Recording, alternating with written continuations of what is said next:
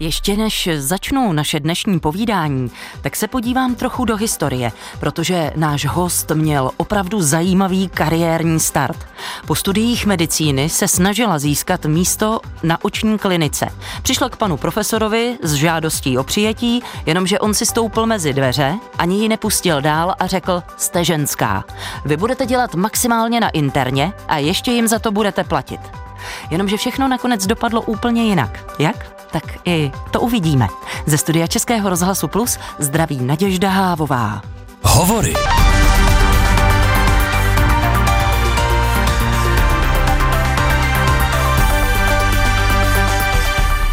A zdravím taky primářku Pražské oční kliniky Neovize Lucii Valešovou. Vítejte u nás, dobrý den. Dobrý den. Kolik času uplynulo od téhle události, kterou jsem teď před okamžikem tady popsala? To asi 26 let přibližně. Já to nemám úplně spočítané, ale Nevadí, tak je to je plus to minus čtvrt století. Mohlo by se něco podobného opakovat i dneska, anebo už jsme o pořádný kus dál? Já si myslím, že dneska se to nemůže opakovat, že tak jak teda v naší společnosti, tady třeba v Praze konkrétně, tak se domnívám, že opravdu ta doba se posunula, lidi jsou mnohem kultivovanější a myslím si i, že ta práva žen jsou mnohem silnější, než byla dřív. To se projevuje i ve vztazích mezi lidmi, mezi mladými partnery a i v té práci. Ženy jsou mnohem flexibilnější, mají také lepší podmínky pro různé pomoci v domácnosti. Dneska není problém, když si seženete paní, která vám pomáhá s úklidem nebo s dětmi. Takže já si myslím, že ta doba je dneska jinde. Pojďme se ale přesto zastavit v té polovině 90. let. Vybavíte si Paní primářko, ještě ten pocit, se kterým jste tehdy z kliniky odcházela s nepořízenou? To si úplně přesně vybavuju, že jsem šla po tom chodníku, ten bych dokázala teď nakreslit, jak vypadal ten chodník se zarytým pohledem do toho chodníku a brečela jsem, že jsem skoro na cestu neviděla. Úplně jsem nějaký pocit, že jsem jako zhroutil svět. Protože... A byla to lítost, anebo to bylo trošku i vztek? Zklamání? No zklamání hmm. to bylo. Hrozný hmm. zklamání, protože já pocházím z Plzně, chtěla jsem v Plzni zůstat, jako to město jsem vždycky milovala, neměla jsem žádný plány se eh, dostat do Prahy nebo kamkoliv jako jinam. Chtěla jsem tam být, chtěla jsem tam žít, chtěla jsem tam pracovat. Oční lékařství se mi strašně líbilo, to jsem si oblíbila během studia. Takže jsem měla takový pocit jako bezvýchodnosti v tu chvíli. Vlastně už se mi ten pocit opakoval jednou, když jsem na střední škole měla pocit, jako nesedla jsem si s paní učitelkou na biologii, přestože biologie byla můj nejoblíbenější předmět a měla jsem špatnou známku a tehdy jsem si taky řekla, no počkej, já ti ukážu. Asi trošku i jsem si řekla, prostě se nevzdám, prostě hmm. to zkusím někde jinde, nějak jinak. Eh, jako vyhodí mě dveřma, zkusím vlézt oknem. A kam jste tehdy v těch 26 letech nakonec šla? Na tu internu? Ne, ne, ne, nešla ne. jsem. Mně se v podstatě úplně v tu chvíli spadlo z nebe nabídka nebo možnost se eh, ucházet vlastně konkurzu na tři mladé lékaře, které se zrovna ten rok otevíralo ve Všeobecné fakultní nemocnici v Praze. Takže jsem se tam přihlásila, vzali mě. No a tak jako do Prahy jsem nechtěla, bála jsem se, bydlela jsem tady v podnájmu, skoro jsem neměla na jídlo. Byla jsem tu sama, bylo to takový jako děsivý, smutný. Já znala jsem jenom cestu k tramvaji a pak Do na, na tu kliniku a zpátky. A po několika letech jsem neznala žádnou jinou čtvrť, než tu, kde jsem bydlela ve Vršovicích. Ale tak postupně jsem se tady nějak jako zorientovala, hmm. našla si přátele, prostě postupně jsem si zařídila i nějaké vlastní bydlení. Tak jako člověk se hmm. nějak uchytí. uchytí a nějak prostě jde tou cestou. No a vždycky jsem ráno šla do té práce. Ty jsme měli od sedmi a já jsem šla těma Vršovicema, kde nesvítily vůbec žádný okna. Říkala jsem si, to není možný, v Plzni se chodí do práce od šesti. A tady jdu na sedmou a nikdo nikde nesvítí.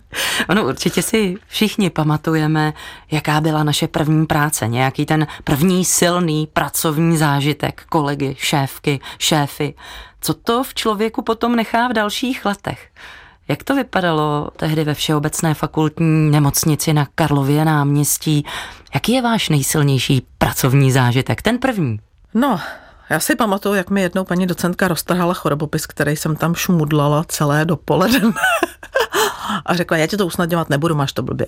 Tak to jsem si říkala, no tak ty jo, to jsem to asi teda jako Pokazila. pokazila nedala. Je tohle vůbec cesta, jak si vychovat mladého medika, anebo spíš je to cesta, jak ho úplně zdrtit a zabít? My jsme tehdy byli takový jako pracovně otužilejší, hmm. jako mám pocit, my jsme tam byli vlastně tři mladí a myslím, že jsme se s tím prali všichni podobně, ale já myslím, že takováhle věc, že jsem to nebrala nějak úkorně, jako to prostě byla taková běžná věc, no tak co, tak jsem to udělala blbě, jak mi to roztrhali, tak to udělám znova líp a, a něco. To ne, to nebyl problém. Dneska já myslím spíš, že ty mladí lidi jsou jako míň, míň otužilí, co se týče nepřízně nějakých podmínek a že vlastně to nechtějí, že, že při každém okamžiku, kdy vlastně něco trošku díl trvá, nebo se musí vyvinout trochu víc práce, tak už jako to vzdávají. Nebo takovou já jsem teďka zaznamenala jakoby zkušenost s těmi mladými lékaři, ale jako já to nevzdávám. Hmm. Já si pořád dělám nový pohovory a pořád jako eh, vždycky tomu novýmu, kdo přijde zase znova jako důvěřuju a říkám si, jo, teď to už bude ten prostě, co má tu vervu, co ho to chytne a co prostě nás jako posílí ten tým. A no, někdy to vyjde, někdy to nevíde ale asi častější je, dřív, dřív to prostě nebylo, že jste někde skončila po dvou letech v práci. Já jsem tam byla 20 let v té práci stejný. A prostě člověk si ne, neříkal, že by to i vedle mohlo být jiný, nebo zkusím to hmm. jinde, nebo půjdu jinam, tohle je nepohodlný. Člověk si řekl, tohle je nepohodlný, tak s tím nějak musím pracovat. Vy jste před malou chvílí zmínila, všechno chtějí hned.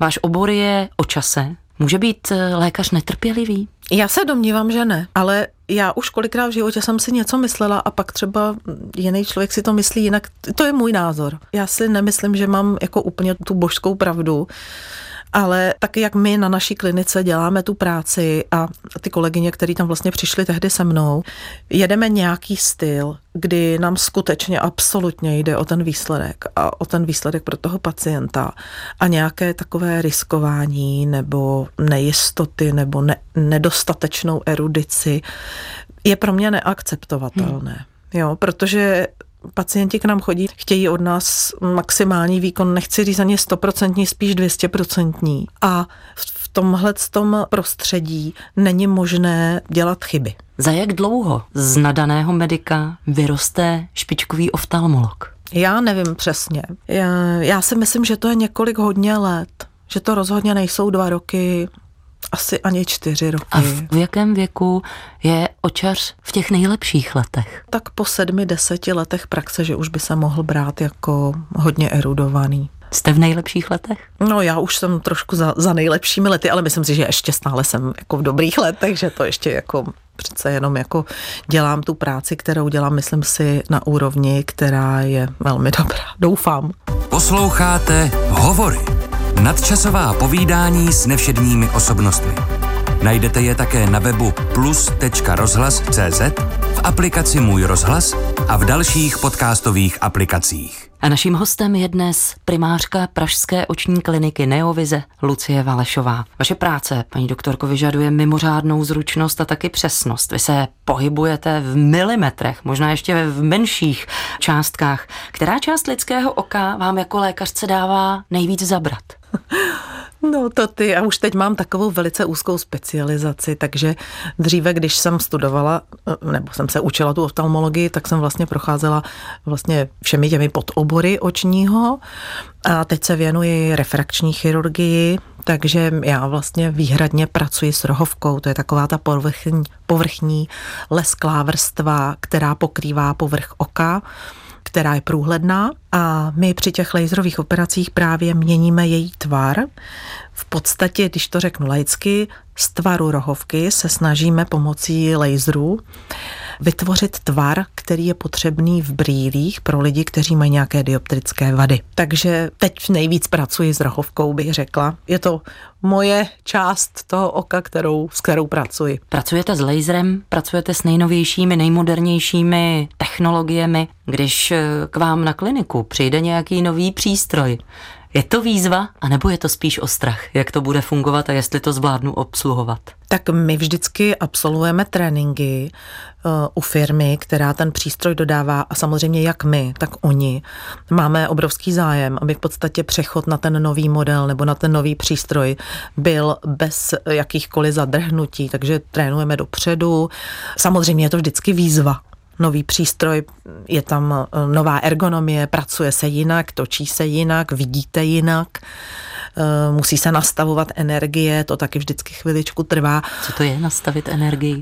Každý laser má určitou eh, energetickou hodnotu, při které pracuje nejspolehlivěji podstatě na každém pracovišti máme několik pracovišť, tak na každém pracovišti se ty energie musí ladit, protože mm-hmm. u každého přístroje konkrétního ty energie správné jsou trošku jiné. Takže vždycky to musíme dolaďovat, zvyšovat, snižovat, rozšiřovat body, dávat blíž ty dráhy, kterými laser probíhá. Takže než se to na začátku nastaví, tak to chviličku trvá, ale na to tam máme právě ty techniky z těch firm, kteří k nám přicházejí a cena nám to pomáhají dělat. Váš obor prošel taky neuvěřitelnou změnou revoluční v těch posledních 25-30 letech. Řekněte mi, jak bude vypadat za dalších 25-30 let. No, kdybych měla skleněnou kouli, tak vám to hned řeknu. Já myslela skleněné oko. no, tak to ne. Tak v čem asi teď vidíme největší jako budoucnost léčby je genová terapie. Ta by měla léčit některé nemoci, pokud se to všechno podaří, takže se dělají obrovské soubory analýzy těch genů u lidí, kteří mají tu konkrétní chorobu, pak se snaží vlastně věci opravovat ty geny a implementovat je. Už u některých očních chorob se to daří, ale je to spíše opravdu v plenkách. Ale myslím si, že tohle je budoucnost. A pak ty lasery samozřejmě, myslím si, že ty ještě taky budoucnost mají velkou, protože to je veliký pomocník, že se nemusí řezat nožem, tím gelotinovým nožem, kterým se řezalo dříve, který byl nepřesný, bylo to takové plus minus autobus. A bolí to laserem méně? To není, že by to bolelo laserem méně, ale je rychlejší rekonvalescence mm. potom. Operace samotné nebolí, protože se pacienti anestezují. Nejdříve jim dáme nějakou tabletku, aby se trošku sklidnili, třeba hodinku před operací, a pak při samotné operaci nebo před ní dostávají kapičky, které anestezují zcela povrch oka.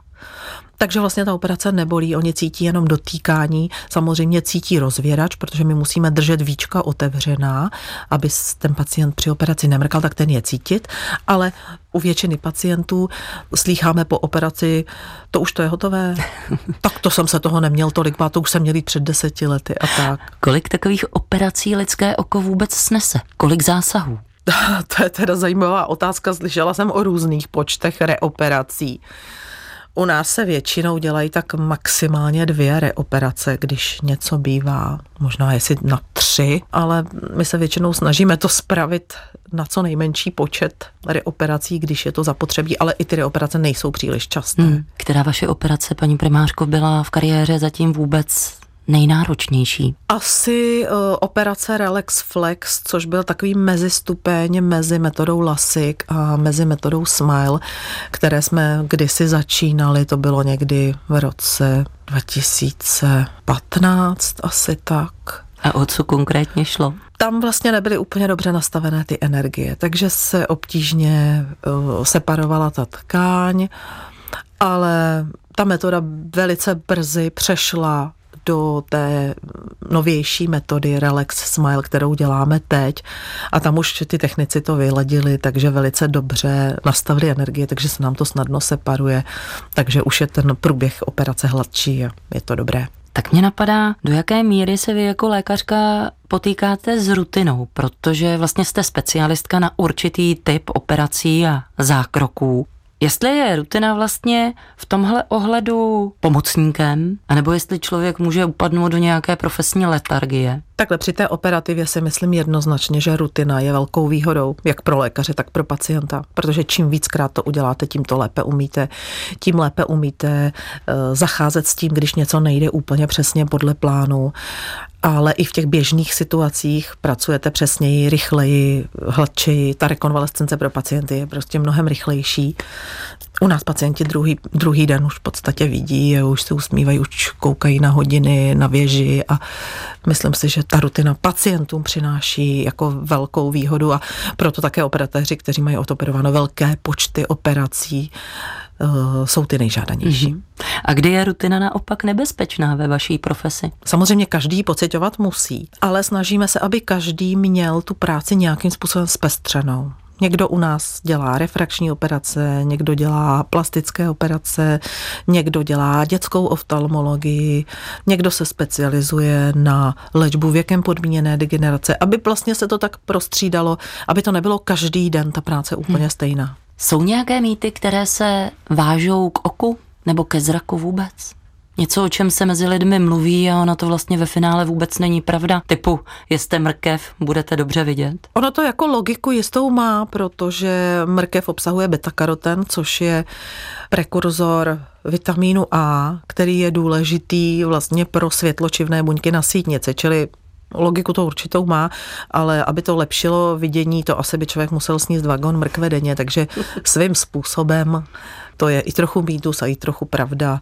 Pak taky třeba, co si myslím, že je takový mýtus, že těhotenství škodí krátkozrakým ženám, že by měli mít císařský řez v každém případě, aby se jim nepoškodili oči. To teda je taky mýtus, který do dneška se s ním setkáváme, že někdy porodníci píšou, abychom napsali posudek, jestli je možné provést porod normální cestou nebo musí mít císařský řez. Tak to je takový mýtus, bych řekla. Já jsem se někde dočetla, že rok od roku počet lidí s oční vadou roste. Je to pravda? Nevím, jestli roste přesně počet lidí s vadou. Já si spíš myslím, že roste množství lidí, u kterých to je zjištěno. Protože dnes jsou nároky na vidění mnohem silnější, každý potřebuje vidět perfektně na dálku, všichni řídí auto, perfektně na blízko, všichni potřebují vidět na počítač. V podstatě většina lidí celý den se živí zrakem. Hmm je tedy to, že když člověk vidí trochu hůř, tak je to pro něj větší handicap než třeba před 20 lety.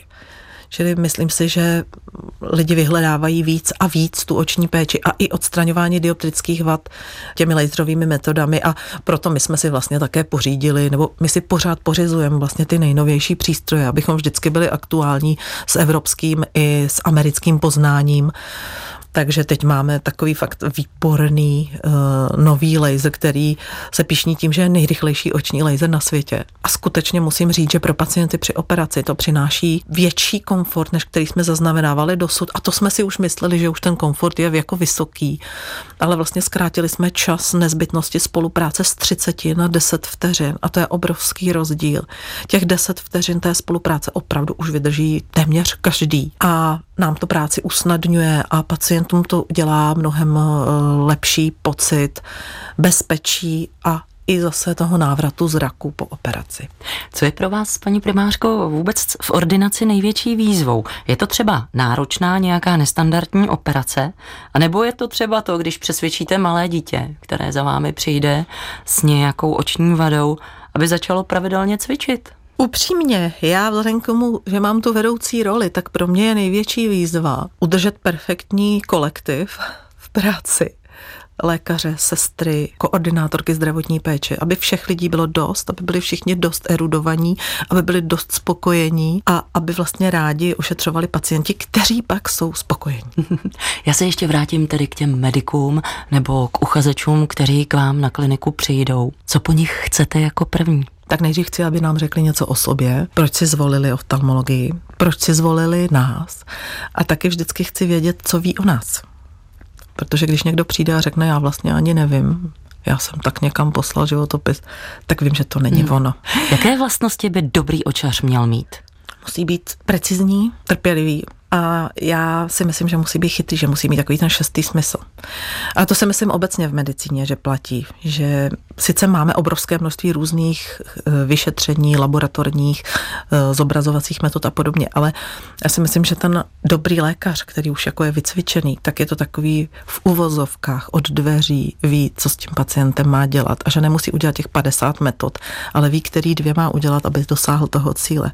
To je takový ten šestý smysl a to se nekoupí. Hmm A to je to, co ho odlišuje od toho dobrého lékaře, toho špičkového chirurga. Myslím si, že ano. Hmm. A nejen, nejen chirurga, ale i toho v té ambulanci. Jo? Ta ambulantní práce je právě velice jako intelektuálně náročná. To je právě to, že vy musíte vyčarovat ze všech těch věcí tu správnou diagnózu a pak tu správnou léčbu, že jo? Na ten operační sál tam už vlastně mi ti lidi přijdou všichni a já už přesně vím, co jim je, co vlastně s nimi budeme dělat. Já už to jako na tom sále mám předurčené a v té ambulanci je vlastně taková ta kreativita, která vede k tomu, že se indikují správné operační výkony. No, já si myslím, že tam je právě ten prostor, kdy může dojít ke střetu lékař, pacient. Že každý má možná představu o té chorobě trošku jinou a to je ta báze, na které se střetávají a tříbí názory. Určitě. Samozřejmě každý pacient, byť má třeba řekněme stejnou diagnózu, ale má jinou povahu.